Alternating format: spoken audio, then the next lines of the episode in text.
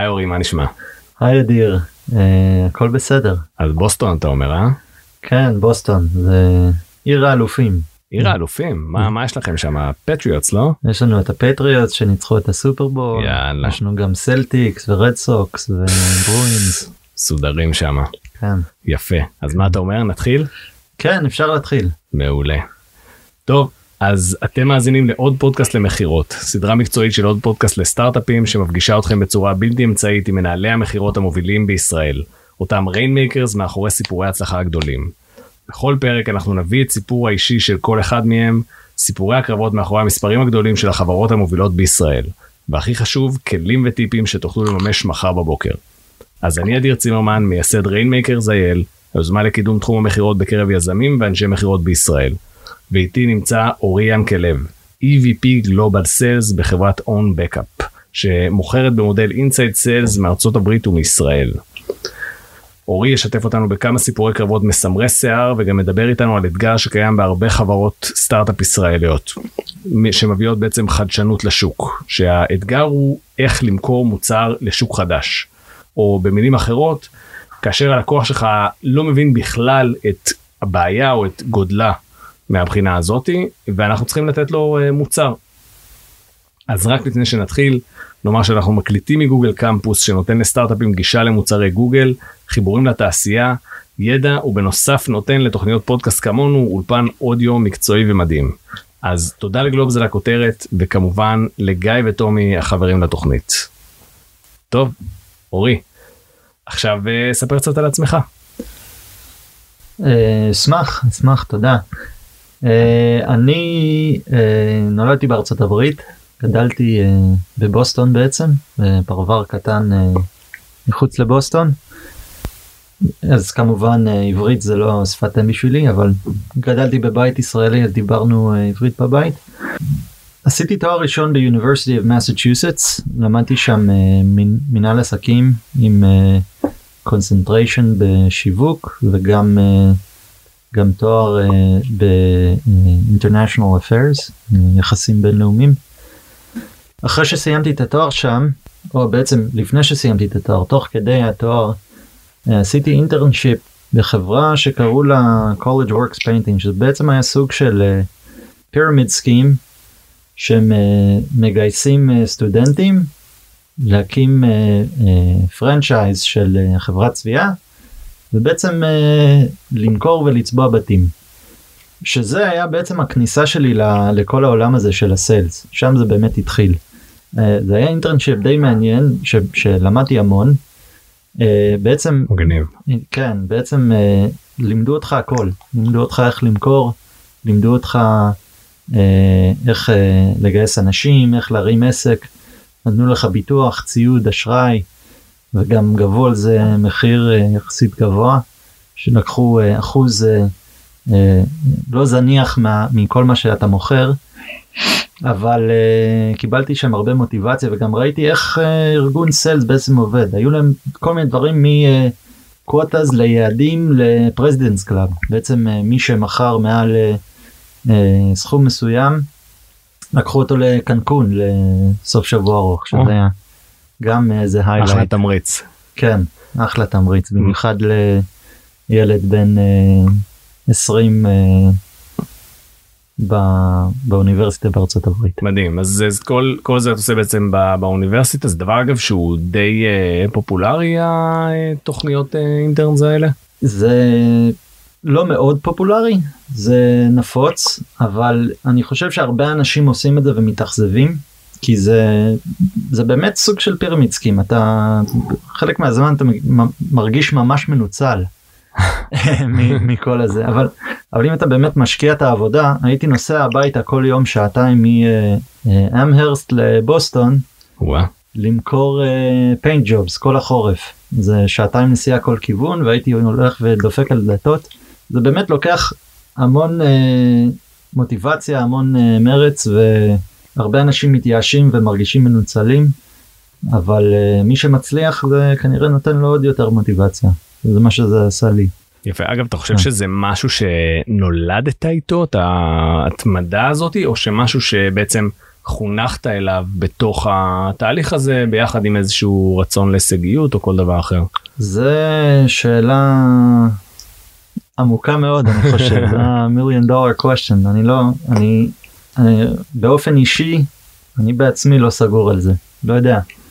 אני חושב שזה חצי חצי אולי, אה, אבל אני חושב שבהחלט יש, יש שם משהו שאתה נולד איתו.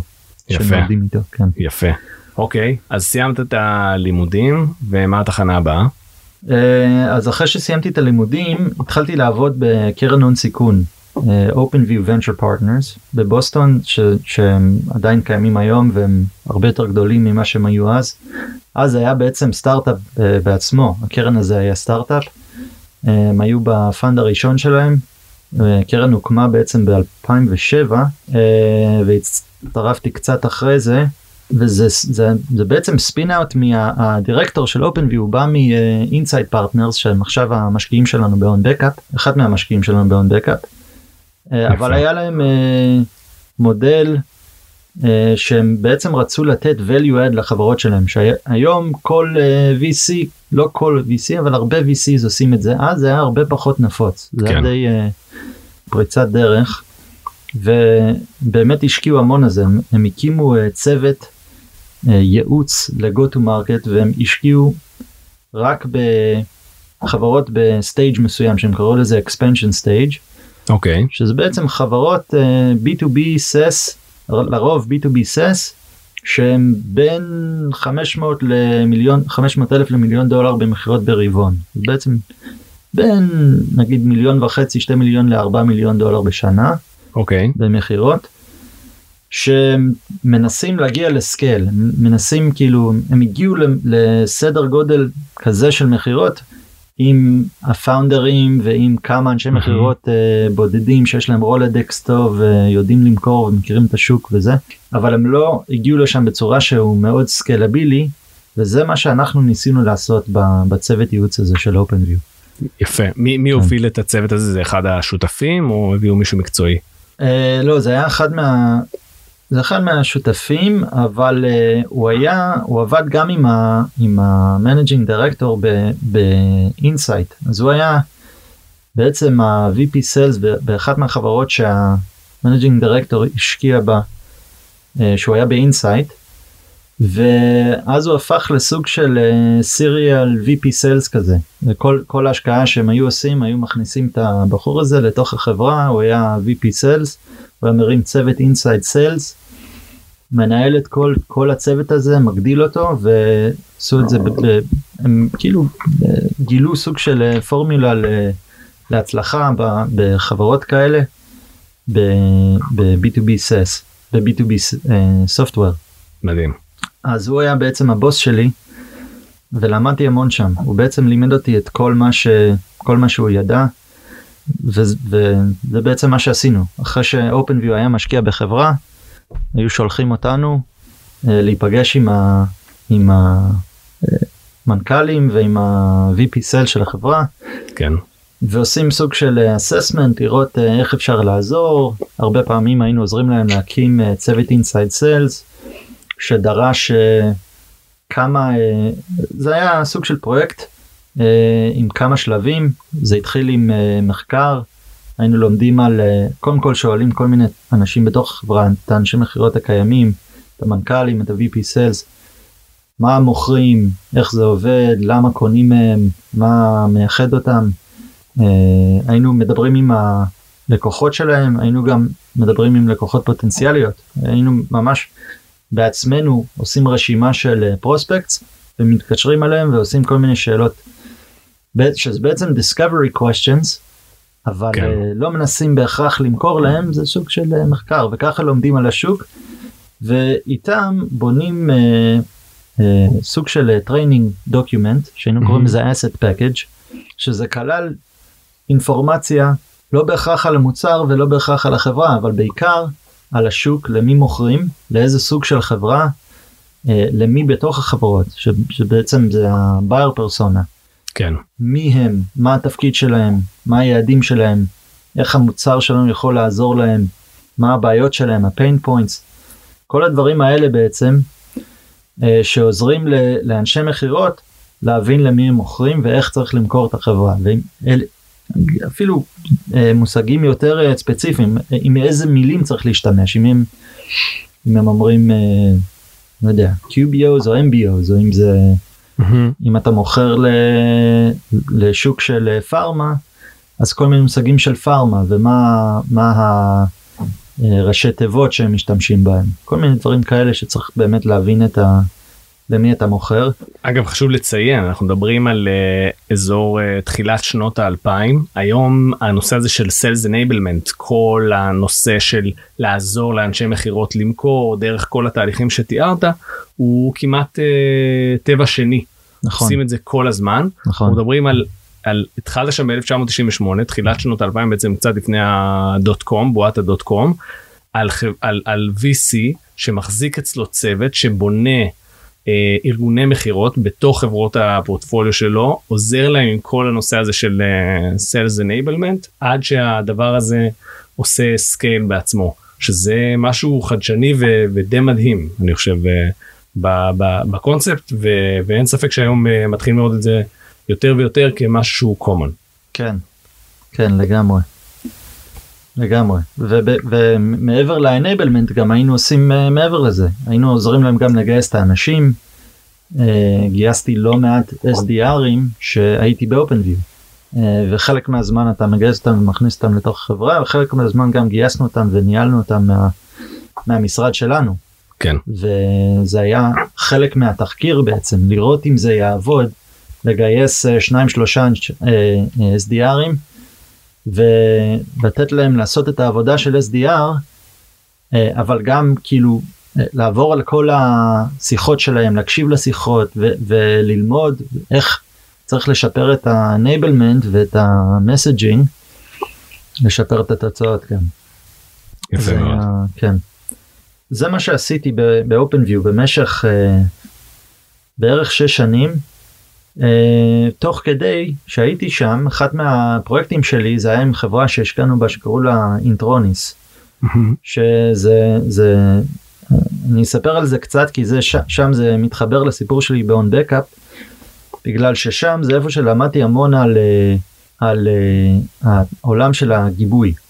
כן. זה היה עולם גיבוי ושחזור בענן וזה היה בתקופה שזה לא היה זה היה פחות אה, מובן מאליו ממה שזה היום שמגבים מידע לענן היום יש את Mozy ואת Dropbox ואת אה, Box וכל מיני תוכנות כאלה ו Google Drive שהם לא כולם אה, גיבוי. Mozy זה דוגמה טובה לתוכנת גיבוי.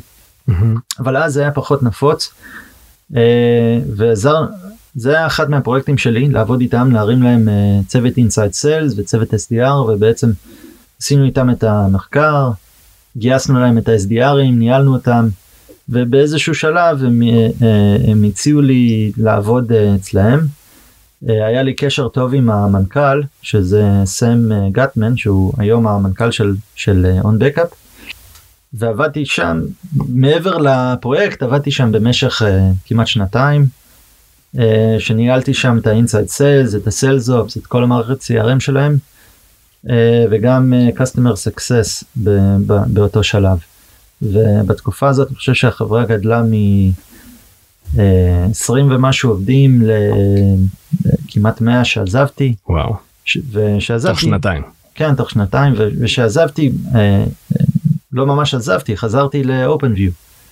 זה היה נחמד וגם זה היה נחמד שהמשרד שלהם היה קומה מעל המשרד שלנו view אז אף פעם לא איבדתי את הקשר עם אופן וזה היה סוג של אה, למרות שהייתי שכיר של אינטרוניסט לתקופה הזאת.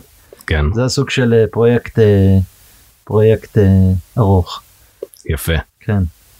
אז למדתי שם המון על העולם של הגיבוי ובכלל בכל הזמן שלי באופן למדתי המון על עוד כמה דברים יותר כלליים אחד מהם זה זה content marketing ו-go to market strategy Mm-hmm. שכשחזרתי לאופנביו מהתקופה באינטרוניס אה, עשינו הרבה עדיין המשכנו עם פרויקטים של inside sales אבל עשינו גם פרויקטים יותר אה, רחבים workshop של אה, של אה, go to market וזה כל הנושא כל ה asset package הזה זה בעצם אחת מהתוצאות מה go to market workshop. אז אתה אומר הרבה אתה אומר הרבה go to market אז לטובת המאזינים שלנו שלא בקיאים בכל הז'רגון כן. אז בוא בוא תגיד מה מה כולל מבחינתך מה כולל את המילה go to market.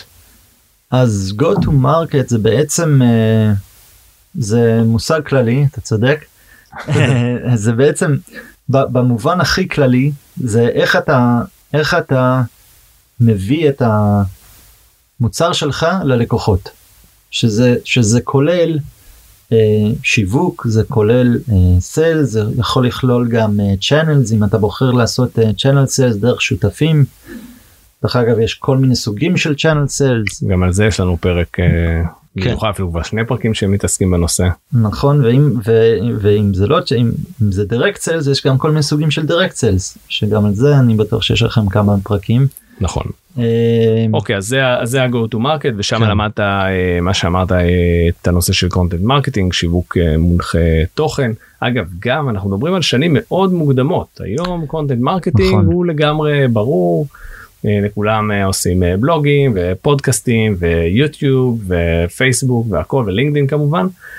שוב שנים מאוד מוקדמות זה, זה די מרשים כל הצורה הזאתי של העבודה שאתה מתאר שם. נכון זה היה באמת חשיבה מאוד פרוגרסיבית במובן הזה באמת כאילו זה היה ברמה זה היה היינו כל כך מושקעים ב content marketing היו כמה שנים שכל עובד ב OpenView היה צריך לכתוב בלוג אחד בשבוע.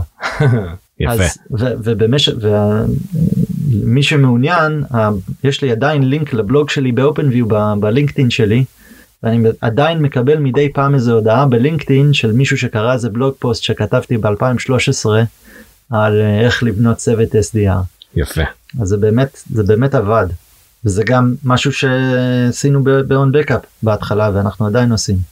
יפה אז uh, איפה מסתיים בעצם הפרק שלך בארצות הברית אז uh, אני אני רק אזכיר עוד דבר אחד ש, ב, שעשיתי באופן ויו שחלק מהעבודה שלי בכל הפרויקטים האלה זה היה לעזור לחברות ליישם את ה-CRM שלהם שזה גם חשוב. כן. אז הייתי גם סיילספורס uh, אדמין ב2008 כחלק מהפרויקטים האלה זה לעשות את הצוות uh, scalable mm-hmm. אתה חייב שיהיה לך CRM זה חלק uh, אינטגרלי אינטגרלי כן. כן חיוני לחלוטין אתה חייב שיהיה לך יישום טוב של uh, CRM אם זה Salesforce או משהו אחר ואתה חייב שהצוות מכירות שלך ידע להשתמש בזה כי זה מאוד מאוד חשוב לכל התהליך למדידה ל insights אה, לניהול עבודה להכל בעצם. יפה. אה, שזה גם מתחבר לסיפור עם OwnBackup. אז אז הפרק שלי ב OpenView ובבוסטון בכלל מסתיים בערך ב2013 ב2013 כן שאשתי הייתה חברה שלי אז החליטה שהיא רוצה לחזור לארץ הכרנו בבוסטון הכרנו קצת לפני זה האמת יש סיפור יותר ארוך אני אחסוך לך היום. אה, אז גרנו ביחד אה, בערך חמש שנים בבוסטון והחליטה שהיא רוצה לחזור לארץ היא כן. ישראלית אה, רצתה לחזור למשפחה ואז לקחנו שנת חופש טיילנו קצת בעולם עשינו טיול נחמד. איזה כיף. ואז עלינו לארץ אני עליתי לארץ היא חזרה לארץ ב-2014 ואז ואז סיפור שלי עם און אה, בקאפ התחיל בעצם. כשהגעתי לכאן לא היה לי עבודה. Uh, באתי עם לא מעט uh, קשרים אבל יש uh, קשר די טוב בין בוסטון לישראל. היה לי גם קשרים דרך ההורים דרך משפחה דרך OpenView דרך MassChallenge כן. שיש להם גם סניף ישראלי אני חושב. ודרך ההורים של אשתי, פגשתי כל מיני אנשים בעולם של, אה, של VC, של אה, קרנות השקעה, אה, בסטארט-אפים, והגעתי, רציתי, ידעתי שאני אגיע לכאן, או שאני אלך לעבוד בעוד קרן הון סיכון, או שאני אמצא איזה סטארט-אפ מגניב וננסה לבנות שם את הסטארט-אפ. ובאמת פגשתי כל מיני אנשים, אחד מהם זה היה רוי מן אני הגעתי אליו דרך כל מיני קשרים אחרים שהוא המנכ"ל של מאנדיי וישבנו אני זוכר עוד זוכר את הפגישה והם באותו זמן הם היו בשלב קצת יותר מוקדם וזה לא כל כך התאים לי וזה לא כל כך התאים לו אבל הוא היה ממש נחמד אליי. ואחרי זה כמה ימים הוא שלח לי מייל שיש לו חבר שמקים סטארט-אפ שעושים אה, גיבוי לסיילספורס ויכול להיות שזה יתאים אותי יתאים לי כן. אמרתי וואלה זה באמת אה, נשמע מתאים. ואחרי איזה שבוע קיבלתי עוד מייל מהמנכ"ל לשעבר של אה, אינטרוניס שזה היה סם שהזכרתי אותו בהתחלה והוא ואני והוא היה שוב היה לנו קשר טוב אז ושמרנו על הקשר עשינו כמה פרויקטים ביחד אחרי שהוא עזב את אינטרוניס.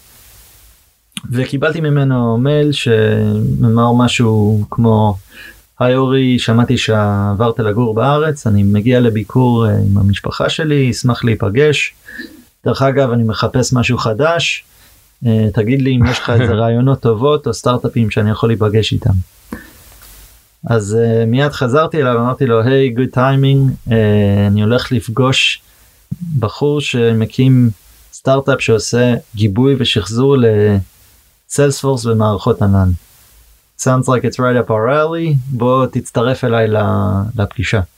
אז, בית, אז הוא הגיע נפגשנו וזה בעצם מה שקרה הוא באמצע הסיור אה, של הצפון הוא עלה על מונית והגיע לפגישה בהרצליה ישבנו עם אה, אריאל ברקמן שהוא ה-CTO של בקאפ ועוד שני שותפים שהיו לו אז אה, למדנו קצת על המוצר וזה ממש ממש התאים.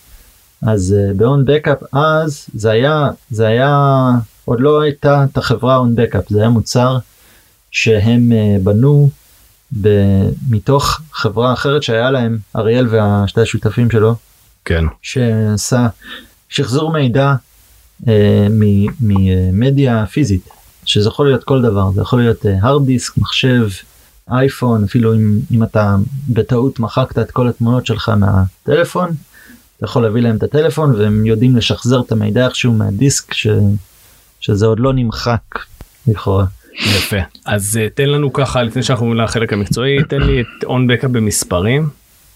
אז און uh, בקאפ במספרים אז uh, היום אנחנו כ-120 עובדים בכל העולם יש לנו uh, משרדים פה בתל אביב בפורטלי ניו ג'רזי שזה מחוץ לניו יורק אה, וגם בלונדון ושנה גם פתחנו משרד בסידני. יפה אז, מאוד. אה, כן. אה, ממשיכים לצמוח יש לנו בערך כ-70 עובדים בארגון סיילס שזה כולל גם alliances וגם SDRים וגם תמיכה טכניים וגם customer success ו pre-sales. גייסנו כ-27 מיליון דולר ארבע שנים האחרונים. מרשים. כן, ממשקיעים אה, גם מרשימים כמו אה, innovation endeavors, אה, Insight בניו יורק וגם Salesforce עצמם השקיעו בנו. יפה. טוב אז uh, כמי שהגיע מארצות הברית קודם כל רק uh, לפני ארבע וחצי שנים אז uh, סחטיין על העברית תודה. ותודה שאתה מתראיין פה בעברית אין, אין, אין מספיק פודקאסטים אה, או אין בכלל פודקאסטים למכירות אה, בעברית אז אה, ככה שאני יודע יודע שזה לא זה לא פשוט אבל אבל תודה לך על זה אז אז כמי שהגיע מארצות הברית ולמד שם את תחום המכירות וראה איך זה מתנהל והקים ארגוני מכירות בחברות אמריקאיות מה אתה חושב על מצב הסיילס בישראל היום. מצב הסיילס בישראל אני חושב שהוא uh, משתפר. Uh, אני חושב שהוא במצב יחסית טוב הייתי לפני חודש כמעט בכנס כנס מכירות שזה נראה לי אחת הכנסים המכירות הראשונים בארץ. סיילס כנס. סיילס כנס. של אלי. כן. כן. שכל ש... הכבוד לאלי שהרים את הכנס הזה.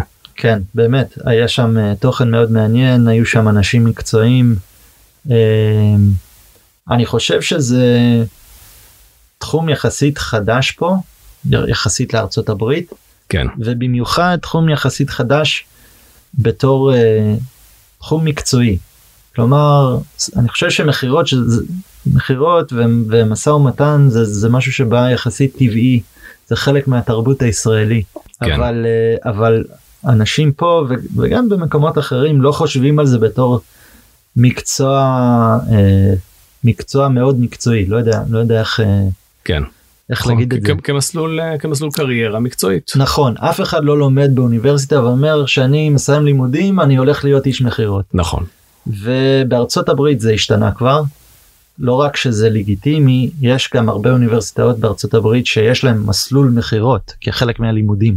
יפה מאוד. שם אתה מתחיל ללמוד את המושגים האלה שאני למדתי באופן ויו ובעולם המקצועי אתה מתחיל ללמוד אותם כבר באוניברסיטה.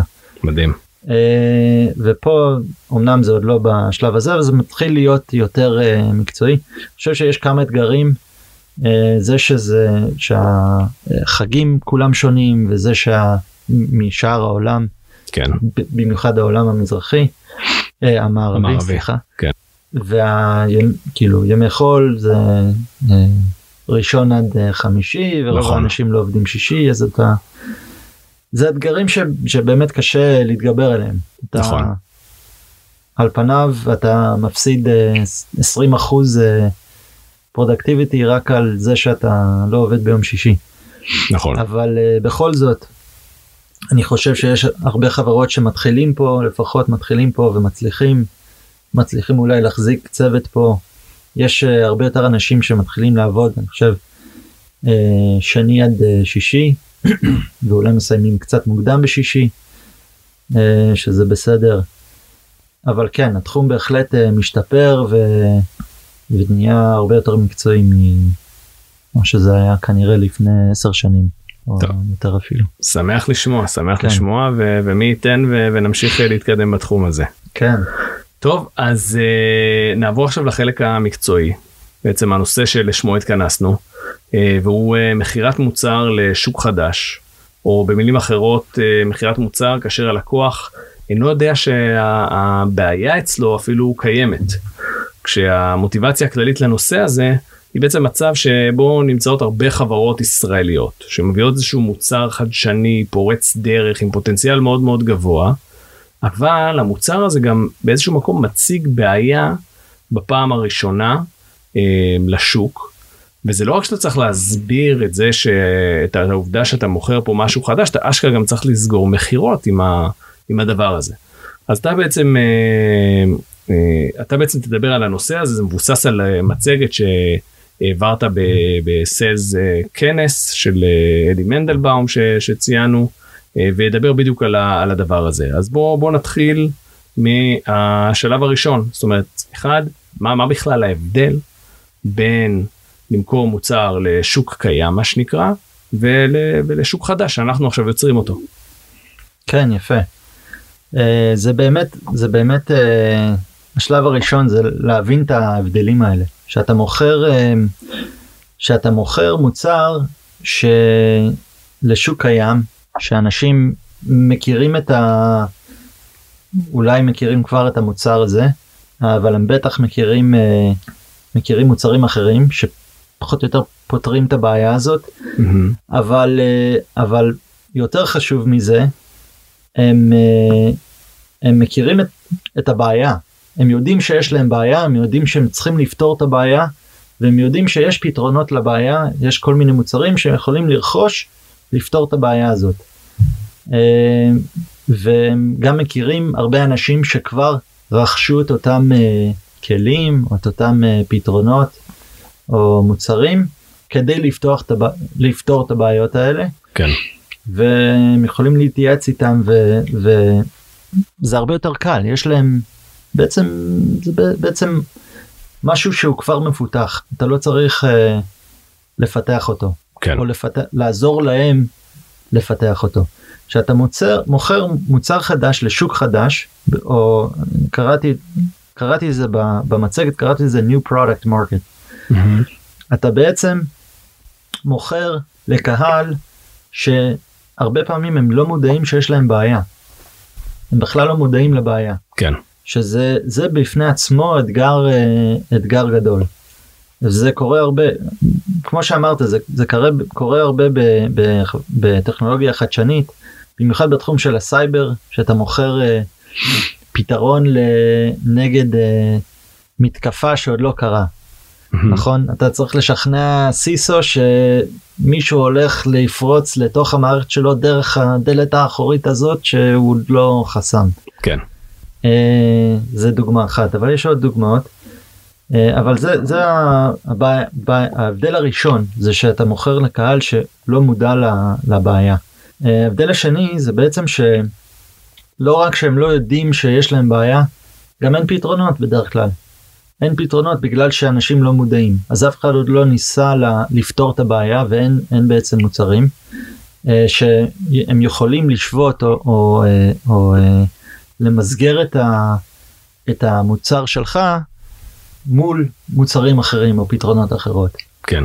אה, וההבדל השלישי אני הייתי אומר זה שלמרות שאין באמת שוק ושאין uh, פתרונות הרבה פעמים יש יש משהו יש משהו uh, אולי uh, שהוא לא מספיק טוב שעונה על חלק מה, מהבעיה או, או פותר חלק מהבעיה וזה זה בעצם ה objection שאתה תקבל שאתה תתחיל למכור אנחנו כבר עושים את זה אנחנו כבר יש לנו את זה אנחנו זה זה בעצם פותר את הבעיה.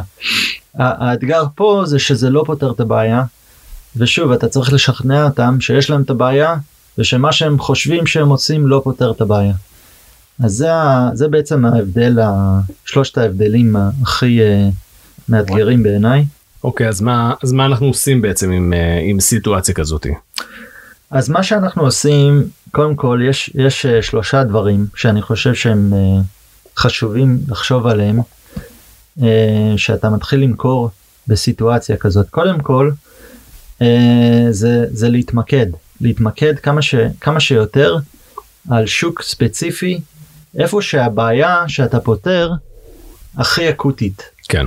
כלומר uh, ניקח את און בקאפ לדוגמה מה שאנחנו מה שאון בקאפ עושה בעצם זה זה אה, גיבוי ושחזור מידע ל, למערכות ענן. כן. במיוחד סיילספורס. אה, אה, ואני אגיד לדוגמה בעוד רגע על, על אה, איך התמקדנו איך החלטנו להתמקד. אבל אה, מה יש הרבה לקוחות שיש להם אה, מערכות ענן יש הרבה מערכות ענן שאנחנו יכולים לגבות. יש את Salesforce יש את NetSuite יש את Workday יש את Microsoft Dynamics cloud Dynamics יש להם גם מוצר on premise. יכולנו לגבות את כולם אבל uh, כדי להתמקד בחרנו להתמקד על Salesforce. אוקיי. Uh, אז זה, זה דוגמה. אבל אם זה דוגמה יחסית בסיסית. uh, אתה יכול להגיע ל, למיקוד ב, ב, ב, מבחינת uh, ורטיקל לאיזה תעשייה אתה מוכר לאיזה גודל של חברה. אה, אבל אבל זה מאוד חשוב לבחור אה, להתפקס ולבחור טארגט אה, יעד מאוד ספציפי לפנות אליו איפה שהבעיה הכי אקוטית. כן. השלב השני שאחרי שאתה מתמקד אתה צריך להתחיל לחנך. לחנך את השוק ולא רק על הפתרון שלך שזה הבדל מאוד חשוב אתה צריך לחנך את השוק על הבעיה שיש להם שהם לא מודעים אליו. Mm-hmm. וזה בעצם אה, זה בעצם אתגר אה, די גדול כי זה זה גם יקר וזה גם סיבה ש... זה גם סיבה שחשוב uh, להתמקד ולהתפקס על קהל ספציפי כי אחרת אתה יכול לבזבז מלא כסף לחנך שוק שהוא רחב מדי או לא ספציפי מדי או איפה שהבעיה היא לא מספיק מספיק אקוטית אז uh, אז שלב השני זה לחנך את השוק על הבעיה. Mm-hmm. והפוקוס שם זה, זה על הבעיה ולא על הפתרון.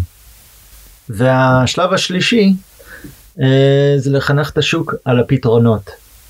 אה, לא רק על הפתרון שלך אלא שיש פתרונות למסגר את ה... לעזור לשוק בעצם למסגר את ה...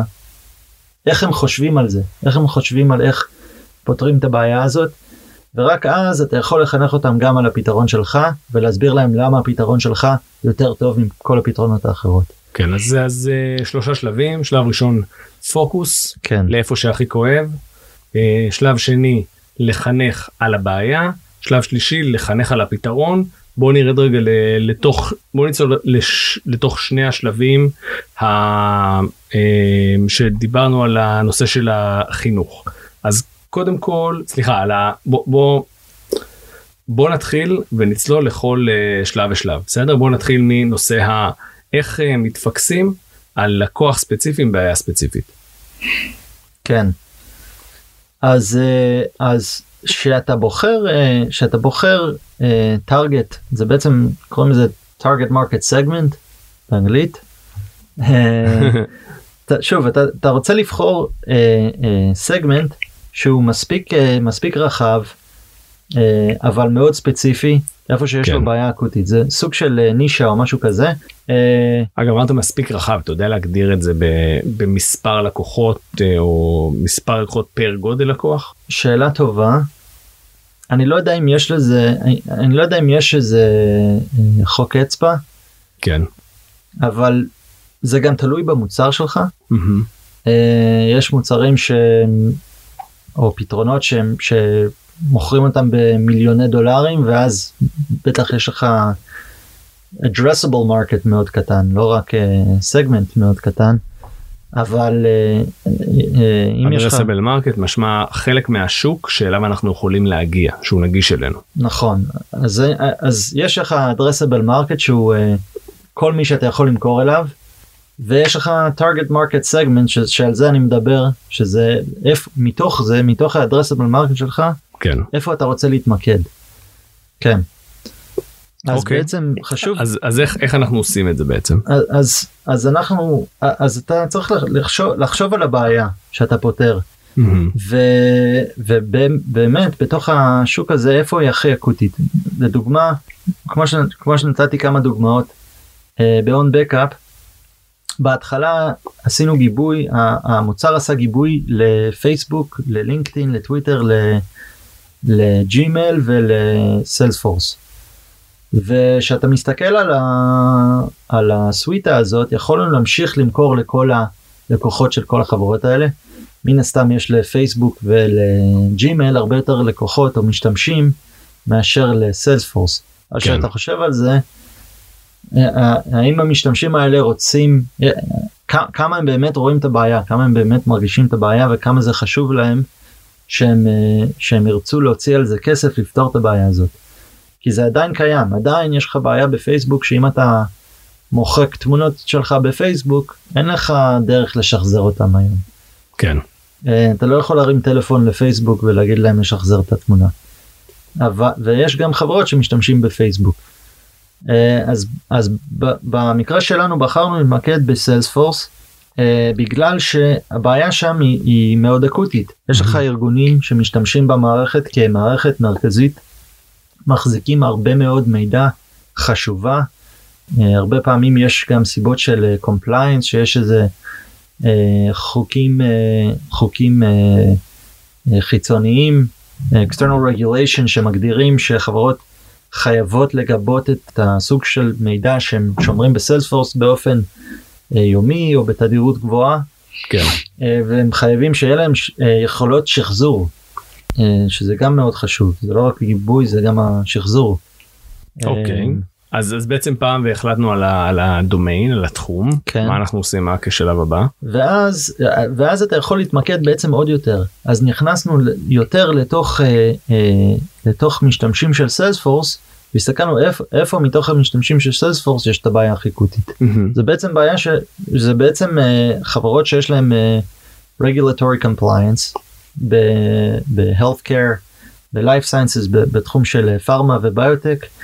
ב-financial services בעצם uh, uh, גם בפובליק סקטור בארצות הברית יש לנו המון uh, state agencies שהם לקוחות שלנו uh, כי הם מגבים מידע מאוד חשוב הם חייבים שיהיה להם uh, גיבוי למידע הזה. איזה תהליך בעצם אתה עושה כדי להבין את הפרסונות השונות? אז זהו אז ברגע שיש ברגע שהגדרת את ה-target market segment זה עוזר לך להבין לאיזה סוג של חברה אתה רוצה למכור. זה שלב שלב ראשון של ה... של ה פיקוס. כן. השלב השני זה להגדיר למי בתוך החברות האלה אתה מוכר שזה השלב של הגדרת פרסונות. אוקיי. ו- אוקיי. ופרסונה זה בעצם מין uh, תבנית כזאת שעוזרת לך להבין את האנשים שהם חלק מהתהליך קבלת ההחלטה של uh, רכישה של המוצר שלך. אוקיי עכשיו זה זה חשוב בכל מקרה בכל מקרה אתה אתה זה, זה חלק מ sales enablement שהוא uh, מאוד מאוד חשוב שאני חושב שהרבה חברות uh, מדלגות על השלב הזה אבל uh, אני יכול להגיד לך שב enablement שלנו ב training deck שלנו יש איזה משפט שאומר uh, you can't know a person until you've walked a mile in, in uh, walked a mile in his shoes.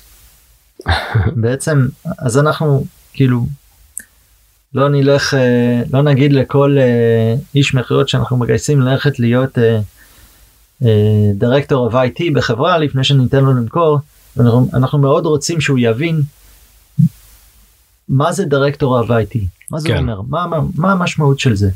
ממה אכפת לו? מה התפקיד שלו? מה היעדים שלו? על מה הוא חושב שהוא מתעורר כל בוקר שהוא מגיע למשרד? מה הפריורטיז שלו. אם אתה לא באמת מבין את, ה, את הדבר הזה אם אתה לא באמת מבין את האיש שאתה מוכר לו אה, זה קשה מאוד לבוא להבין מאיפה הוא בא שהוא, שהוא אה, שואל אותך שאלה מה המשמעות של השאלה הזאת שהוא נותן לך תשובה לשאלה שאתה שאלת אותו מה מה המשמעות בעצם יש עומד מאחורי כל שאלה ותשובה הרבה אה, קונטקסט ו, ודברים שהוא בטח חושב עליו שהוא אולי חושב שאתה מבין. כן. ואם אתה לא מבין את הקונטקסט מאיפה הוא בא זה קשה מאוד אז אז אז ההמלצה כאן זה בעצם להכין ברגע שאתה מגדיר את ה-customer segment שלך להגדיר גם בייר פרסונות שזה שזה כל פרסונה שאולי זה technical evaluator אולי זה אה, מישהו ש, שהוא decision maker אולי זה influencer אה, אבל יש כמה פרסונות בדרך כלל שמעורבים ב, בתהליך קבלת ההחלטות של כל מוצר בעצם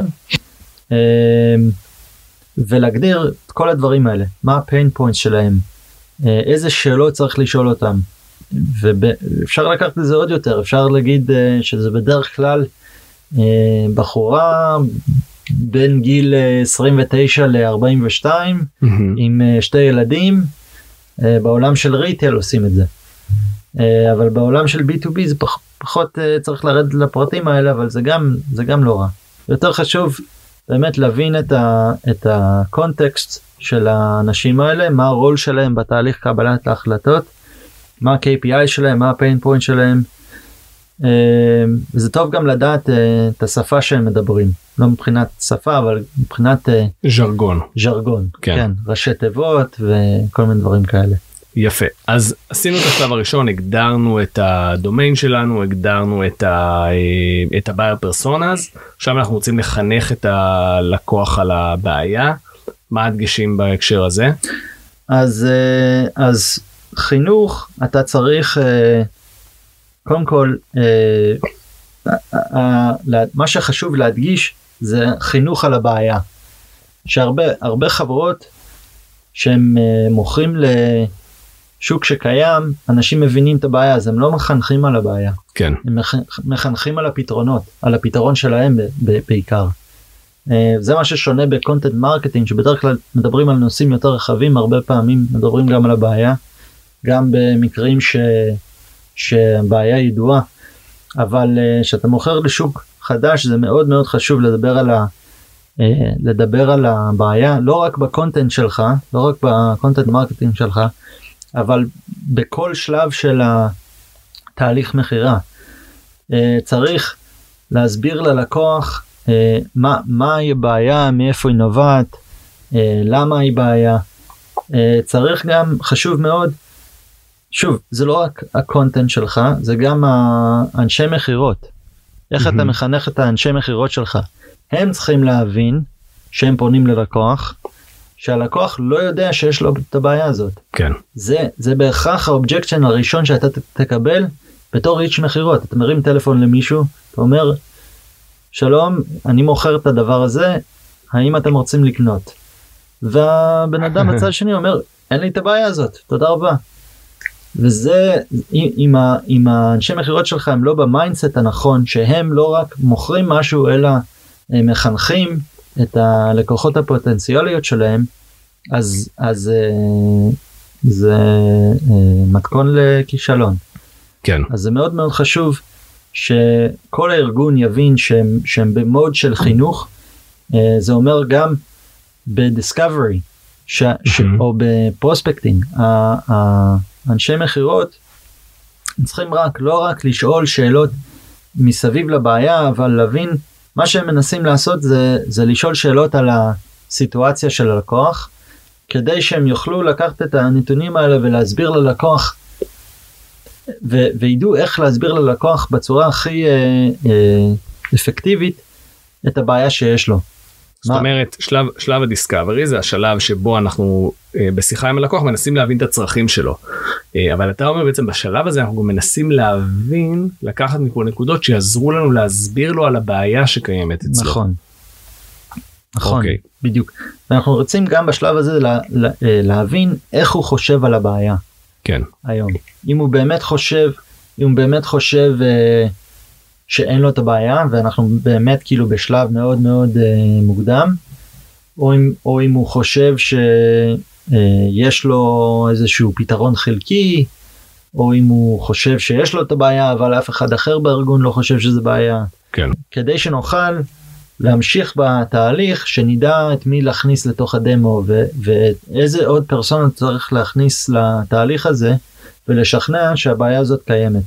אוקיי איזה עוד דברים אנחנו יכולים לעשות כדי לחנך את הלקוח על הבעיה. אז אה, דוגמה אחת זה בדמו שאתה מראה דמו הרבה פעמים מראים דמו של מוצר אז אז הדבר החשוב זה זה אולי במקרה כזה לא להראות דמו של המוצר בהתחלה לראות, להראות דמו של של הבעיה. כלומר אם אתה פותר בעיה של security להראות דמו של uh, מערכת ו- ולהראות ל prospect איך אתה עובר את ה... איך אתה נכנס למערכת. כן.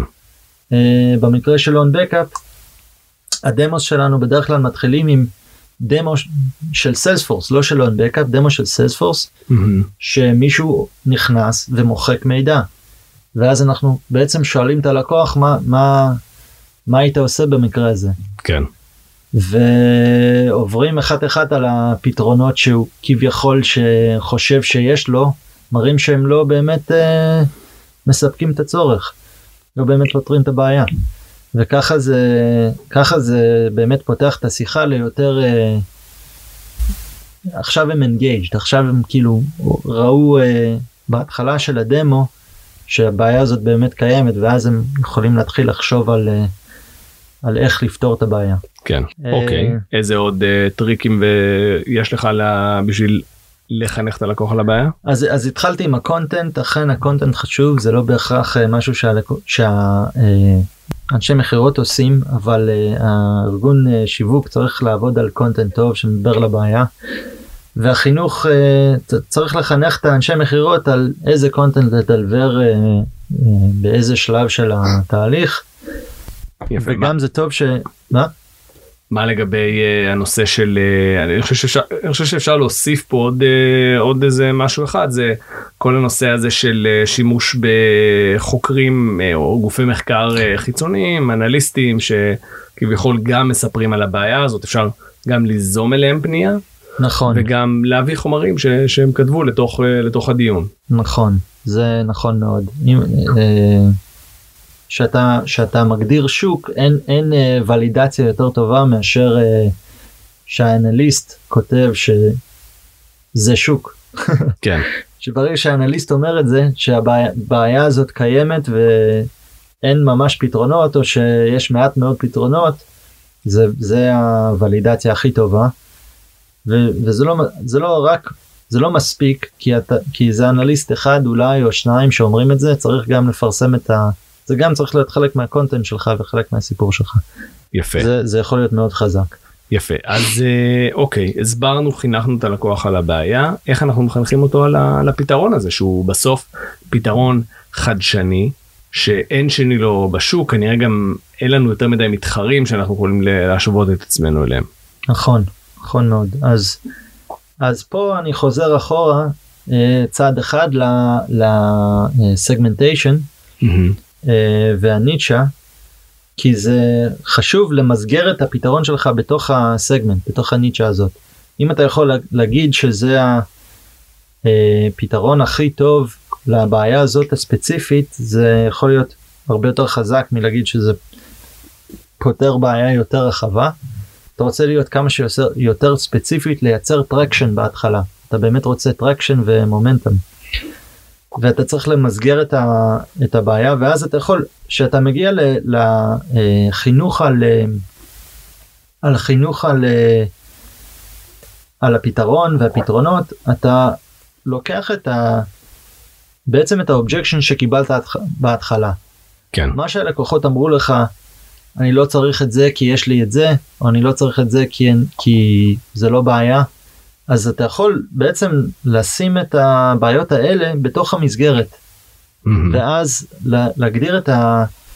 אה, אם אתה חושב על אה, סוג של magic quadrant של אה, גרטנר וככה אתה מגדיר, מגדיר את הפתרונות אתה יכול לשים את הפתרונות שהם לא באמת פתרונות על ה matrix הזה מהמם. ולעשות את ה axis של ה matrix הזה דברים יותר אה, זה לא חייב להיות magic, magic quadrant בעצם זה יכול להיות כל דבר על כל axis אם אתה נגיד אם אתה משווה את און בקאפ למשהו ש... משהו שסיילספורס מציע out of the box אתה יכול להשוות את היכולות אה, גיבוי בצד אחד ואת יכולות שחזור בצד שני. כן. שבעצם עוזר ללקוח להבין שעם זה של סיילספורס אולי יש לו גיבוי אה, שבועי אבל אין לו בכלל אה, יכולת אה, שחזור. אז אתה יכול לספר איזה סיפור שאתה רוצה בתוך המסגרת הזאת אבל מה, ש, מה שחשוב זה לשים שם את הפתרונות הכביכול פתרונות שהלקוח אה, נותן אותם בתור objections על ה matrix הזאת להראות שהם באמת לא פותרים את הבעיה ושהפתרון שלך הוא באמת הכי טוב. זאת אומרת תמיד לקחת שני צירים להגדיר אותם ולהראות שאנחנו נמצאים בצד הימני העליון וכל שאר הפתרונות בשוק מפוזרים ברבעונים האחרים. נכון נכון ואם אין פתרונות בשוק אז אתה אז אז צריך להמציא משהו או לא להמציא או לשים שם משהו שהוא שהוא לא מוצר אבל כביכול אה, סוג של פתרון. נכון Build- אגב build ב-. ב- בספר שמבוסס על המחקר The Challenger Says מהמם. הם מדברים בדיוק על הדבר הזה שאתה בונה אינסייטים ללקוחות שלך אתה מייצר להם אינסייטים שמובילים אותם להבנה שהם נמצאים בתוך צורה מסוימת של, של צורך מהמם. שבעצם במקרה שמה את הפתרון שלך כפתרון היחיד והמוביל לצורך הזה אז בעצם זה מה שאנחנו עושים פה בתוך התהליך הזה. זה בדיוק מה שאנחנו עושים וזה גם אה, זה טוב שהזכרת את המחקר ואת הספר הזה כי זה באמת אותה גישה אני לא אני לא בא ואומר שזה כל אחד צריך לעשות challenger selling אבל אה, באמת מה שאתה עושה בתהליך הזה שאתה מחנך לקוחות אתה אתה אה, אתה challenging אותם אתה אתה שואל את אתה מאתגר אותם אתה מנסה לשאול אותם אם הצורה שהם חושבים על הבעיה הוא באמת נכון. אתה גורם להם לחשוב שנייה רגע אולי אני אולי אני טועה כן זה וזה חשוב. יפה אז אה, איזה עוד אה, דברים אה, היית מוסיף פה על חינוך הלקוח? אז אה, אז סיפורים. לספר, יש גם סיפור על אה, storytelling שזה what great sales people do. זה לא סיפור זה ספר על storytelling שזה גם ספר מעולה אה, לאנשי מכירות אבל צריך לספר סיפורים על כל הלקוחות שהשתמשו שגם לקוחות שהשתמשו במוצר שלך וגם לקוחות שלא השתמשו במוצר שלך. מהמם. לקוחות שהיה להם את הבעיה הזאת כי הבעיה לא היא זה, זה דרך מעולה לחנך. כן. ספר סיפור על לקוח שבאמת חווה את הבעיה שאתה פותר ואיך הוא הגיע אליך ו... ואיך הפתרון שלך עזר לו אז story uh, telling זה באמת case studies נכון כן case studies סוג של case studies יש גם כל מיני templates שונים ל-case studies. אני חושב שזה חשוב לעשות את זה בצורה יותר uh, מובנית. מובנית כן. ובעצם אתה, אתה היית אומר שהיית ממליץ לסטארט-אפים בשלב ראשון לעבוד במוד של ב, ב, בסיטואציה הזאתי לתעדף את הנושא של סגירת עסקה זאת אומרת אפילו לתת משהו אה, אני, אני לא אוהב להגיד בחינם אבל אה, במחיר מאוד מאוד נמוך העיקר שיש שם איזשהו design partner שנוכל לספר את הסיפור שלו. בהחלט כן בהחלט זה מאוד מאוד חשוב מאוד חשוב שיהיה איזשהו design partner שאתה עוזר לו לפתור את הבעיה ואז uh, בעצם הכי טוב זה אם הוא יספר את הסיפור שלו. כן. אין, אין uh, שיווק יותר טוב מלקוח שהולך ואומר היה לי בעיה והם פתרו לי את הבעיה. Uh, זה מאוד חשוב. יפה מאוד. טוב כן. אז uh, קשה להאמין אבל, אבל זמננו uh, תם. אה, ולכן מה שאני אעשה עכשיו אני אסכם רגע בקצרה את מה שדיברנו עליו ואז אתן לך איזה כמה שניות לתת את המסר שלך לאומה. אז אה, דיברנו על הנושא של אה, מכירת מוצר לשוק חדש שבעצם לא לא קיים כרגע ואנחנו צריכים להסביר ללקוח שיש את הבעיה הזאת ושהמוצר שלנו הכי מתאים. חילקנו את זה בעצם לשלושה חלקים. האחד הפוקוס להתפקס על האזור שבו יש מספיק לקוחות שמה אבל הבעיה היא מאוד אקוטית ו- וכואבת לכולם, ככה שאנחנו מצליחים אה, ליצור שם צורך אמיתי. הדבר השני, דיברנו על זה שצריך להתחיל בחינוך השוק על הבעיה בכלל, לא על הפתרון. זאת אומרת, אנחנו ניגשים ללקוח ואנחנו בונים לו בעצם את הסיפור על להבין את עומק, כמה זה, כמה זה גדול העניין הזה אצלו. ובסוף אנחנו עושים לו רק את החינוך על הפתרון, שמה, שזה בעצם נבנה מתוך החלק הקודם, שמסביר למה אנחנו uh, הפתרון הכי נכון בעצם לבעיה ש, שתיארנו אותה מקודם. טוב, אז uh, זה הזמן שלך לתת uh, בכמה שניות את המסר לאומה. טוב, מסר לאומה, אני אומר uh, תהיו אופטימיים. uh, אנחנו חיים בתוך איזשהו uh, סיר לחץ כאן, גם מאתגרים חיצוניים וגם פנימיים. ו... אנשים לפעמים אה, תחת הלחץ הזה כל הזמן עצבניים או ממהרים או לא יודע מה אבל אה, סך הכל אה, אני חושב שזה חשוב מאוד להיות אופטימי וכל הבחינות ולהמשיך אה, בדרכנו. יפה יפה מילים מילים כדורבנות. טוב אז uh, אני הייתי אדיר צימרמן ותודה לאורי ינקלב על uh, שיחה מרתקת סופר מקצועית תודה ששיתפת מהניסיון שלנו תודה שעשית את זה בעברית uh, זכה זכה זכה. Uh, ובאותה הזדמנות אני מזכיר שמעבר לפודקאסט יש לנו שתי קהילות שמורכבות מאנשי מכירות ויזמים שעוסקות בנושא המכירות אתם מוזמנים לחפש אותם בפייסבוק אחת זה TISF The Israel Sales Forum. השני זו קהילת Super Sellers אה, וכמובן אתם מוזמנים להיכנס ל Meetup.com לדף של Rainmakers IL שם תוכלו לשמוע על מיטאפים וסדנאות. אז אורי היה כיף גדול תודה שבאת. תודה רבה שמחתי. אז ביי. ביי.